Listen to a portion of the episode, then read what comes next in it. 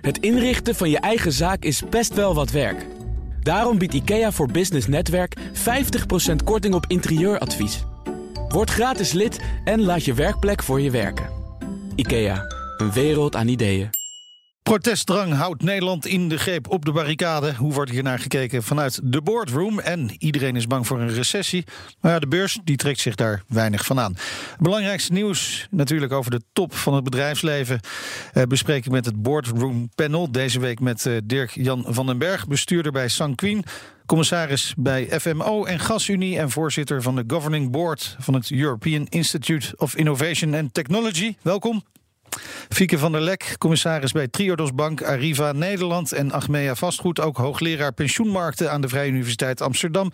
En Leen Papen, hoogleraar Corporate Governance aan de Nijenrode. Aan Nijenrode, hoogleraar Corporate Governance Nijenrode, zei ik net. Hè? Het staat twee keer in mijn tekst. Zal wel heel belangrijk zijn dan. Dat is het. Precies. Uh, Raad van de commissaris bij uh, Unive dichtbij. En voorzitter van de Raad van Toezicht van het SNS Reaal Pensioenfonds. En natuurlijk AG Telleman, managing partner bij Twijnstra Gudde. De kortste titel van ons allemaal hier. Maar je hebt ook nog een paar andere functies. Welkom. Um, zullen we beginnen toch maar even waar we de uitzending ook mee begonnen zijn. Het stikstofdebat. Hè. Bedrijfsleven gaat een schadeclaim indienen tegen het kabinet. Omdat grondverzetters een tijd lang niet konden werken vanwege PFAS. Volgens Jacco Vonhoff van MKB Nederland heeft het kabinet eh, voor een bedrijfsongeval gezorgd. Uh, ook met stikstof. Heeft, heeft hij een punt? Ik denk dat Leen? hij in zover een punt heeft dat natuurlijk uh, dit al uh, een ongeluk in de making was. Hè? Dat je van lang en van ver kon zien aankomen. Uh, onvoldoende doordacht beleid, niet goed gemonitord, niet goed nageleefd. en dan uiteindelijk moet je labmiddelen doen. En in die zin is dat een bedrijfsongeval. Die claim denk ik niet dat erg veel kans van slagen heeft. maar goed, ik ben geen jurist. Ze mogen het proberen. Maar ik acht die kans niet groot. Maar, maar waarom acht je die niet groot? Omdat het aansprakelijk stellen van de overheid altijd een ingewikkelde ja. vraag is. Um, uh, omdat die nou eenmaal een zekere bescherming geniet. Ook wel weer begrijpelijk. Uh, dus nee, ik denk dat om die reden dat weinig succesvol zal, zal kunnen zijn. Ja, is, hoort het ook niet een beetje bij bedrijfsrisico? Nou, dit is wel een hele grote en systematische. Maar aan de andere kant, de overheid doet dat niet voor niks. Dus het gaat ook om de veiligheid van de burgers. En dat ja. zijn weer de klanten van de bedrijven. Of de mensen waar ze de huizen voor willen gaan bouwen. Dus zo loopt hij ook wel weer rond. Dus de vraag is wie nou eigenlijk wie waarvoor aansprakelijk kan stellen in het redelijke als we het hebben over gezondheid. Aan de andere kant mag het bedrijfsleven natuurlijk wel verwachten dat er een omgeving is van wet en regelgeving die te voorzien is, die voorspelbaar is, die, waar je op kunt inrichten, waar je investeringsbeslissingen op kunt afstemmen. En ik denk dat dat wat hier nu er gebeurd is, is dat het wel heel allemaal erg kort door de bocht gegaan is. En dat men daar toch wel enigszins van op de kop staat, dat begrijp ik wel. Ja, ik, uh, ik, ik zei het eerder in dit programma al dat ik denk dat dit een crisis was waar we heel rustig hebben. We vaarden op de wal af en we zijn toch door blijven varen. Dus we hadden dit wel kunnen voorzien. Dus ik begrijp het heel goed. En of het haalbaar is, uh, dat is een tweede. Uh, en ik vind ook echt wel dat we van een kabinet meer mogen verwachten dan alleen maar problemen oplossen. Ze moeten ook een visie uitdragen. en, en ja, nou, wat ik zei, het staat gewoon in het regeerakkoord dat ja. we dit soort maatregelen met elkaar moeten treffen. En nu lijkt het wel alsof we allemaal ambtenaren hebben die ons land besturen, die steeds proberen aan knopjes te draaien om korte termijn oplossingen te bedenken. Terwijl je eigenlijk gezamenlijk, iets waar we met elkaar weer mee vooruit kunnen de ja. komende jaren, aan visie en strategie de, moeten dus, hebben voor dus Nederland. ondernemers en, en bedrijfsleven hebben ook wel enig recht van spreken om ja, ik denk hier het wel. chagrijnig er over moet te echt zijn. wel een, een langetermijnvisie komen die verder gaat dan vier jaar. Het punt is natuurlijk dat de overheid ook elk jaar wordt gekapitteld door de Algemene Rekenkamer over het gebrek aan doelmatigheid. En uh, er wordt natuurlijk heel veel effort gestoken in rechtmatigheid van de uitgaven. Nou, die is 99,4 procent, fantastisch. Maar het van tevoren nadenken over een visie en op welke manier je die dan implementeert en dat dan ook van tevoren ook even doordenkt. En dat dan ook vervolgens gaat monitoren op doelmatigheid. Hm. Nou ja, daar gebeurt natuurlijk uh, nagenoeg niets aan. En dat is natuurlijk mede de reden waarom er uh, kortzichtig op korte termijn allerlei uh, noodmaatregelen moeten worden genomen. En dat is natuurlijk onverstandig. Maar ja, aan de andere kant, bedrijven gaan er prat op dat ze hun stakeholders betrekken in de beleidsvoering. De burger is een stakeholder, de, milieu is een stakeholder. Dus dan moeten bedrijven ook wat meer vooruit en in den brede kijken. En dan hadden ze hem ook kunnen zien aankomen. Zeker. Ja, daar ben ik het ook mee eens. Ja, dat het met z'n allen aankomen. Het staat in het regeerakkoord, zien bedrijven ook. Het is wel een uh, probleem van uh, met z'n allen en zo, maar we hebben toch de taak in de samenleving een beetje verdeeld. En het is toch echt de bedoeling dat onze democratie en de regering, men samenspel met het parlement, uh, ook zijn bijdrage levert. En ik vind dat het bedrijfsleven met een behoorlijke onvoorspelbaarheid is geconfronteerd. Ja. En dat men daar toch enigszins ja, verontwaardigd over is, dat, daar kan me toch iets bij voorstellen. En natuurlijk is het zo dat ook bedrijven om zich heen moeten kijken en moeten snappen uit welke hoek de wind waait, letterlijk dan in dit geval. Ja. Nou. Uh, en dat is allemaal waar, maar de abrupte manier waarmee men hier geconfronteerd met maatregelen, ja, daar kan ik me terecht van voorstellen dat men. Nou, dat laatste, uh, Dirk-Jan, is wel betrekkelijk. Hè. Het, het, het, pas is bedacht in 2011 door meneer Bleker. Uh, hij loopt er nu tegen te ageren, maar het was zijn idee. Hm. En daar was iedereen bij betrokken. Dus in 2011 wisten we al dat er een probleem was en hebben we ook met elkaar afspraken gemaakt dat we in de toekomst zouden werken aan het verminderen van de uitstoot van stikstof. Niets is minder waar. En dan gaat er uiteindelijk iemand een keer naar de rechter. En de rechter zegt dan: ja, ik kijk naar de regels en de wetten die we met elkaar hebben afgesproken. Ja. in het politieke democrat democratisch bestel. En dan zie ik dat we ons niet houden aan. Dus het kan niet. Nou ja, en dus hebben we dat probleem met elkaar laten ontstaan. door allemaal niet tijdig op te letten en ook actie te nemen. Nou, nou, nou is het opvallend dat we inderdaad de boeren hebben we gehoord, de bouwers hebben we gehoord. De multinationals, daar horen we weinig van. Hebben, hebben die er gewoon geen last van, van deze problemen? Of zijn ze wat diplomatieker? Kan dat het ook zijn? Ik denk dat ze er uh, iets minder last van hebben. Hè, want ze bouwen niet per se in Nederland. Ja, misschien een hoofdkantoor, dan heb je even een probleem. Maar je doet ook va vaak uh, zaken over de grenzen. Dus dan heb je er om die reden wellicht iets minder last van... dan wanneer je een bouwer bent die in Nederland natuurlijk ja. heel veel bouwprojecten doet. Nou, je moet natuurlijk ook kiezen waar je de media mee opzoekt. Want hoe onvoorspelbaar dit dan al of niet mag zijn, hoe kies je vervolgens te reageren? En als je dan alleen maar tamboureert op je eigen banen en werkgelegenheid dan is dat niet zo'n sterke nee. zet. Misschien dat die multinationals andere wegen kiezen om hun invloed te doen gelden. Ja, Jan de Ruiter, CEO van Volker uh, Wessels, die heeft wel gereageerd. Hè. Die haalde uit naar het kabinet. Zijn snelle en drastische oplossingen nodig om uh, de stikstof- en de PFAS-crisis te lijf te gaan. Was dat niet zo slim van hem om zo richting nou, de politiek... Als je dan politiek... alleen zegt van we moeten zorgen dat we weer door kunnen bouwen... dan is dat geen voorbeeld van dat brede stakeholder denken. Nee, precies, precies. Ja, nee, ik, ik ben het op zichzelf natuurlijk wel mee eens. En ik denk ook eerlijk gezegd dat ook voor multinationals geldt dat ze graag in een omgeving werken die duidelijk is en die voorspelbaar is. En die ook het mogelijk maakt om vier, vijf jaar verder te kunnen ja. kijken. Want dat willen we zo graag dat multinationals dat doen. Hè? Ja. Bruggetje naar het volgende onderwerp. Const ja, precies. Maar, maar in ieder geval. Uh, Dankjewel voor het bruggetje. Ja, en, en dat is uh, denk ik toch wat hij speelt. Want er zijn natuurlijk nog veel meer grote structuurvragen die zich aandienen. Bijvoorbeeld op het gebied van de energietransitie. Ja. Bijvoorbeeld de betekenis van waterstof, waar toevallig vandaag dan net een manifest over wordt aangeboden.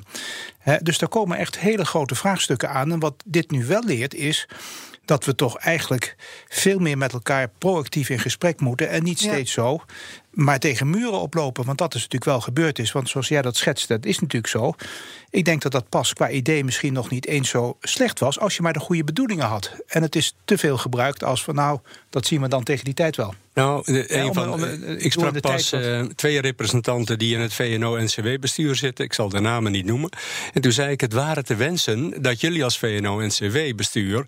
eens een keer het voortouw zouden nemen... Ja. en een visie zouden ontwikkelen op Nederland... en waar we heen willen en waar we heen ja. moeten. En jullie, uh, ik zei ook echt tegen jullie... Uh, zijn alleen maar bezig met het uh, bepleiten van je eigen belang... het najagen van de korte termijn agenda... en niet aan het nadenken over waar moet dit landje heen op lange termijn. Daar is een regering natuurlijk ook voor, maar ja. jullie als VNO-NCW zouden ja. daar ook een keer je nek toe kunnen uitsteken, want die voorspelbaarheid kun je op die manier ook bevorderen. Ja. Nou ja, de manier waarop ze dat op dit moment doen vanuit VNO-NCW is hameren op groei. En wat zijn de factoren die groei van de economie kunnen bevorderen? Is waar. Maar er is ook de kwaliteit van. Eenzijdig. Ja, ja. Eenzijdig. Over die, die groei gesproken. Nederland 0,4% groei hè. in het derde kwartaal. Het recessiespook is even verdreven. Zeker als je naar de AEX kijkt. Hè. Die grens van 600 punten. Daar zitten we dicht tegenaan of net overheen. Ik weet even niet hoe de stand nu is. Maar um, is, is er enige samenhang met de reële economie? Nul. Nul. Nul, ja. Nul. Volgens mij kun je beter psycholoog zijn dan econoom om naar de beurs te kijken. Nou, Ja, er is wel een zekere samenhang. Als het naar beneden gaat met de economie, dan gaat de beurs ook wel naar beneden. Maar het feit dat de koers nu eh, hoog staat, zegt niets over de stand van de reële economie, denk ik. Nee, maar zegt het wel iets over de bereidwilligheid uiteindelijk van eh, het bedrijfsleven om te investeren? Want die zegt natuurlijk wel iets over de economie. Nou, eh, ja, dat zou kunnen. Maar goed, eh, er is veel geld in omloop, eh, ook op de, de balans van bedrijven. Ja. Eh, je kunt niet zoveel kant op. Je kunt het eh, in vastgoed stoppen, dat is al gebeurd. Je kunt het in aandelen stoppen. En al het andere is op dit moment even naar je pet. Search for yield zeggen we dan, ja, hè? zo heet het. Search Ja. for yield, dus op zoek naar het rendement waar het nog te vinden is. Ja. En dan doen aandelen het natuurlijk altijd wel goed. Ja, precies. Ja, ja, Dus er, komt, er komt een risico-element in en dat moet ook beprijsd worden. Juist, ja. Ja, Risico, dat klinkt nooit heel erg eh, prettig natuurlijk. En dan komt de recessie alweer eh, een beetje dichterbij. Eh, Nederlandse bedrijven investeren volgend jaar ruim 2 miljard in vernieuwende topsectoren en innovatiebeleid van dat kabinet. Misschien zit daar nog wel een beetje die visie in, of, of vergis ik me daarin? Nou ja, in zekere zin, maar too little, too late. Ehm, kijk, als je MIT ziet, eh, een, gewoon een business school in ehm, Amerika, die besteedt per jaar als universiteit 1 miljard. Ja. Aan eh, AI en, en, en data science. En als wij dan in Nederland 2 miljard met gaan investeren, dan ja, is dat heel wat. Maar dat schiet nog niet erg op in relatie tot Amerika en China, vrees ik. Nou, ik ben iets positief hoor. Eh, Ik vind het goed dat Nederland hiervoor een agenda zet en ervoor zorgt dat ze op die terreinen mee kan blijven spelen. Want het is gewoon zo eh, eh, dat inderdaad kennis en innovatiekracht, dat zijn de elementen waarop Europa moet scoren. Want voor de rest hebben we niet zoveel, behalve dat we een stevige industriële basis hebben waar we dit op kunnen enten. En dat daarvoor aandacht is en dat daarvoor programma's worden opgezet. Dat is denk ik een hele goede zaak. Eh, is het genoeg? Ehm, nou, ik denk dat we best er goed aan doen om er nog meer in te investeren. En dan vooral ook in de brede kennisontwikkeling in Nederland. Ondersteuning over de hele scala van wetenschappen die we in Nederland hebben. Dat wil zeggen alfa, beta en gamma. Want er moet een academische voedingsbodem zijn om al dat werk wat men nu wil uitzetten op die topsectoren ook werkelijk goed te voeden. Dat vind ik ongelooflijk belangrijk. Dus ik ben altijd een zwaar pleidooihouder om, eh, eh, om maar eens te beginnen het budget voor MBO te verdubbelen. Precies. Want dat is wel besteed geld. Precies, maar een tandje meer. Zeker. Ja, ik, ik ben het daarmee eens. Ehm, we weten inmiddels uit economisch onderzoek dat de selectie van topsectoren heel riskant is. De overheid heeft nogal eens misgekleund. En misschien kan je het ook niet van ze verlangen. Dus dat kan je nou net beter aan bedrijfsleven zelf overlaten. En dat de overheid blijft investeren in breed en diep onderwijs. We gaan het even over salaris hebben. De Eerste Kamer heeft een wet aangenomen over het loonbeleid van bedrijven. Eh, vanaf de volgende algemene vergadering van de aandeelhouders van beursgenoteerde bedrijven moet 75% van de aandeelhouders akkoord gaan met het beloningsbeleid. Nu is dat nog eh, 50% plus één stem. Wa- wat gaat dit veranderen? Dat hangt heel erg af van hoe de onderneming eh, is ehm, opgezet. Of het een beursgenoteerde onderneming is, ja of Ja. nee. Of er veel internationale aandeelhouders zijn, ja of nee.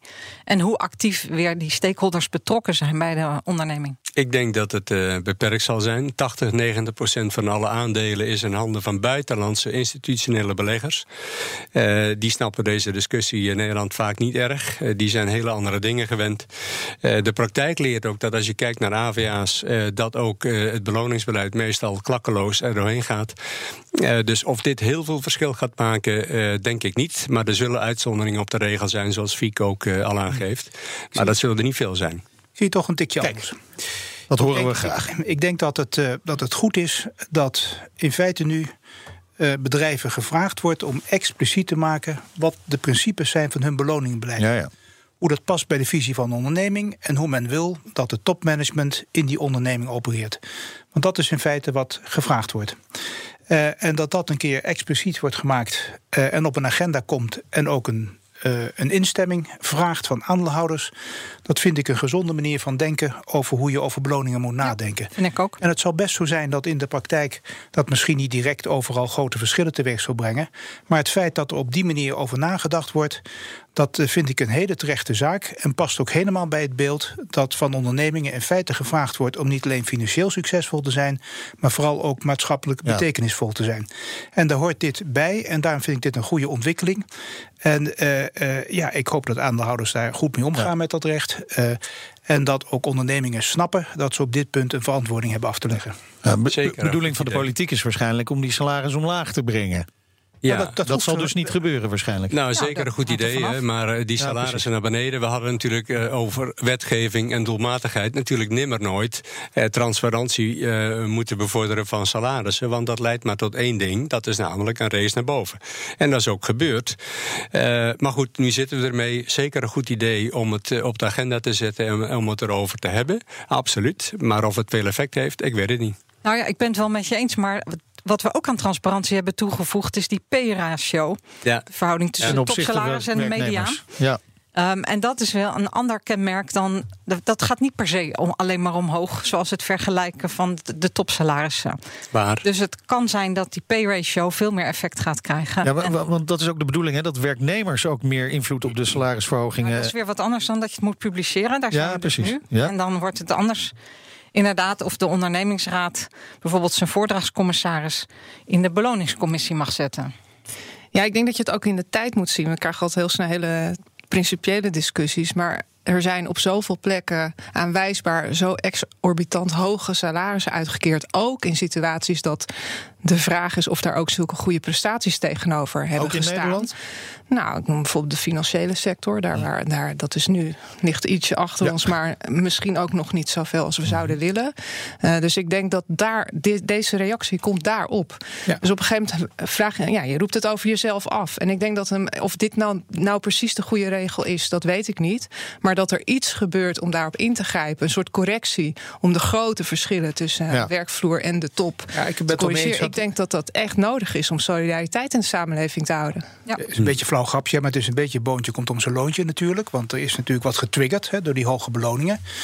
Maar ik zou toch eigenlijk eh, wat willen wegbewegen van de hoogte van beloningen zelf. Ik zou eigenlijk willen bewegen richting van wat is je onderneming? Waar staat die voor? Hoe wil je hebben dat die onderneming opereert? En hoe vind je dat het topmanagement zich erin moet gedragen? Ja en uh, dat je dan een beloningsstructuur maakt waarin je zegt: wij vinden voor onze onderneming veiligheid belangrijk. Dus als veiligheid niet goed gaat, dan heeft dat een consequentie voor de beloning van de top. Weet je, dat type principes.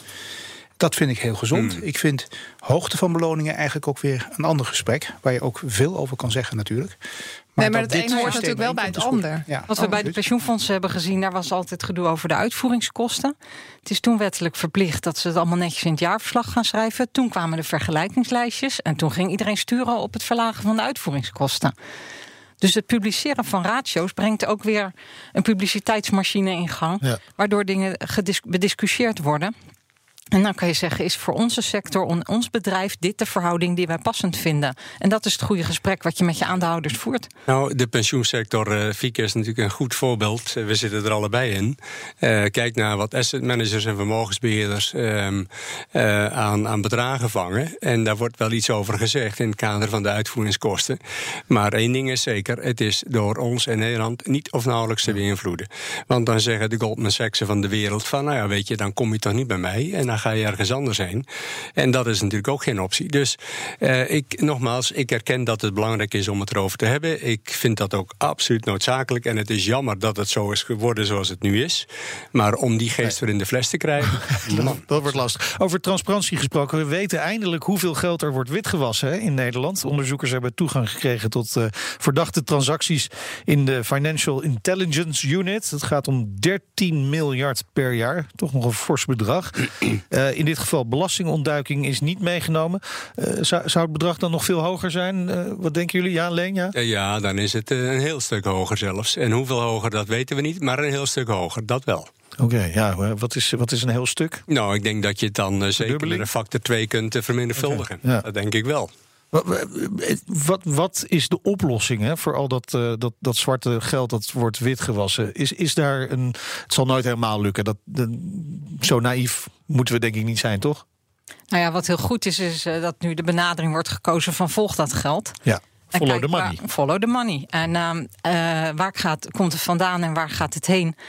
En dat de banken daar een rol in spelen, maar hopelijk ook worden gefaciliteerd om die rol gezamenlijk op te pakken. Want meestal gaat geld dan van bank A naar bank B. Dus dan heb je al twee hmm. banken die betrokken zijn. Um, en dan kan je het efficiënter doen. Ja, het, het woord uh, complex is uh, nu een beetje beladen geraakt. Hè? Maar dit is toch wel een complex vraagstuk hoor. En als je werkelijk van een bank verwacht om dit ook allemaal te volgen, dan uh, praat je over ja, toename van staf in de banken van duizenden en duizenden mensen. Als ze het allemaal is, zelf is, moeten doen, ja. Ja, als ze het allemaal zelf moeten doen, dat gaat niet werken. Dus nee. Je zult dit echt als een apart probleem moeten definiëren. En dan ook als je daarop wat inzet als samenleving, bereid moeten zijn om daar zeer, zeer fors in te investeren. Want op het gebied van menskracht, van ICT en van kennis vraagt het ontzettend veel. Is, is het dat dan waard? Nou ja, dat, het, gelukkig zijn banken dus nu met elkaar in gesprek ja. of ze dat samen mogen kunnen ja. en mogen oplossen. Ja. Um, en als je dat slim automatiseert, dan hoop je inderdaad die kosten weer te reduceren. Uh, om toch ook uh, krachten die de samenleving ondermijnen geen kans ja, te geven. Ik, ik vind, Nou ja. ik vind om dit uh, vanuit een cost-benefit te bekijken. Hier zit ook wel. Dat is nou echt een kwaliteitsdiscussie van de samenleving. Hè. Kunnen we dit toelaten? En ik denk trouwens zelf dat die 13 miljard nog aan de lage kant okay. is. Want als je alleen al de bedragen hoort die met al die fijne drugshandel omgaat, ja. hè, dan denk je bij jezelf. Nou, dat gebeurt meestal ook niet wit. nee, dat, dat maar goed. Nou, in ieder geval, die, die, precies, die zaten daar hoogstwaarschijnlijk in. Hè. De, dat zat wel in de data. Maar het is natuurlijk een internationaal probleem wat je in Nederland alleen niet goed kunt oplossen. Lees het boek uh, Moneyland, zou ik iedereen willen aanraden. Dan weet je hoe het werkt uh, met de BV'tjes uh, op een internationale schaal. dus het is een heel complex, ingewikkeld, grootschalig probleem. wat, ja, vrees ik, niet snel op te lossen zal zijn. Ja, ik denk, ik hoorde al, het is complex en je kunt niet alles controleren. Dat, dat, dan moet je de banken uitbreiden met heel veel personeel. Maar dan denk ik, je zou dat ook met ja, de steekproeven of big data analyse kunnen doen. Uh, daar dat, dat is dan vervolgens weer een uitvoeringsvraagstuk. Wat eraan onder schuil gaat. Wat er nou, schuil gaat, dat is, is een vertrouwensvraag. Ja, dat is wat ING deed. En die kreeg er 775 miljoen boete voor. Maar er zijn ook voorbeelden dat er toch blijkt dat de banken het uit zichzelf te weinig doen. Maar, dus dat daar meer druk op komt om vertrouwen te houden in dit soort instituties is ja. denk ik ook heel erg belangrijk. Ja, de conclusie die we in ieder geval kunnen trekken is: om, er wordt om te over zeggen, gepraat. Het is complex, dus ja. we doen het maar niet. Nee, dat precies. lijkt me niet verstandig. Nee, maar er wordt in ieder geval over gepraat en dat leidt heel vaak wel uiteindelijk tot een oplossing. Maar we komen wel aan het einde van het boardroom panel. Hartelijk dank Dirk-Jan van den Berg, bestuurder bij Sanquin, commissaris bij FMO en Gasunie en voorzitter van de governing board van het European Institute of Innovation and Technology. Fieke van der Lek, commissaris bij Triodos Bank Arriva Nederland en Achmea Vastgoed en ook hoogleraar pensioenmarkten aan de Vrije Universiteit van Amsterdam. En Leen Papen, hoogleraar Corporate Governance aan Nijenrode, RCV bij Unive dichtbij en voorzitter van de RVT van het SNS Reaal Pensioenfonds. En mijn zakenpartner natuurlijk, mag je niet vergeten, Telleman, managing partner bij Twijnstra Gudde. Dankjewel. Een kleine update maakt een wereld van verschil. Daarom biedt IKEA voor Business Netwerk gratis snelle interieurtips en ideeën. Word gratis lid en laat je werkplek voor je werken. IKEA, een wereld aan ideeën.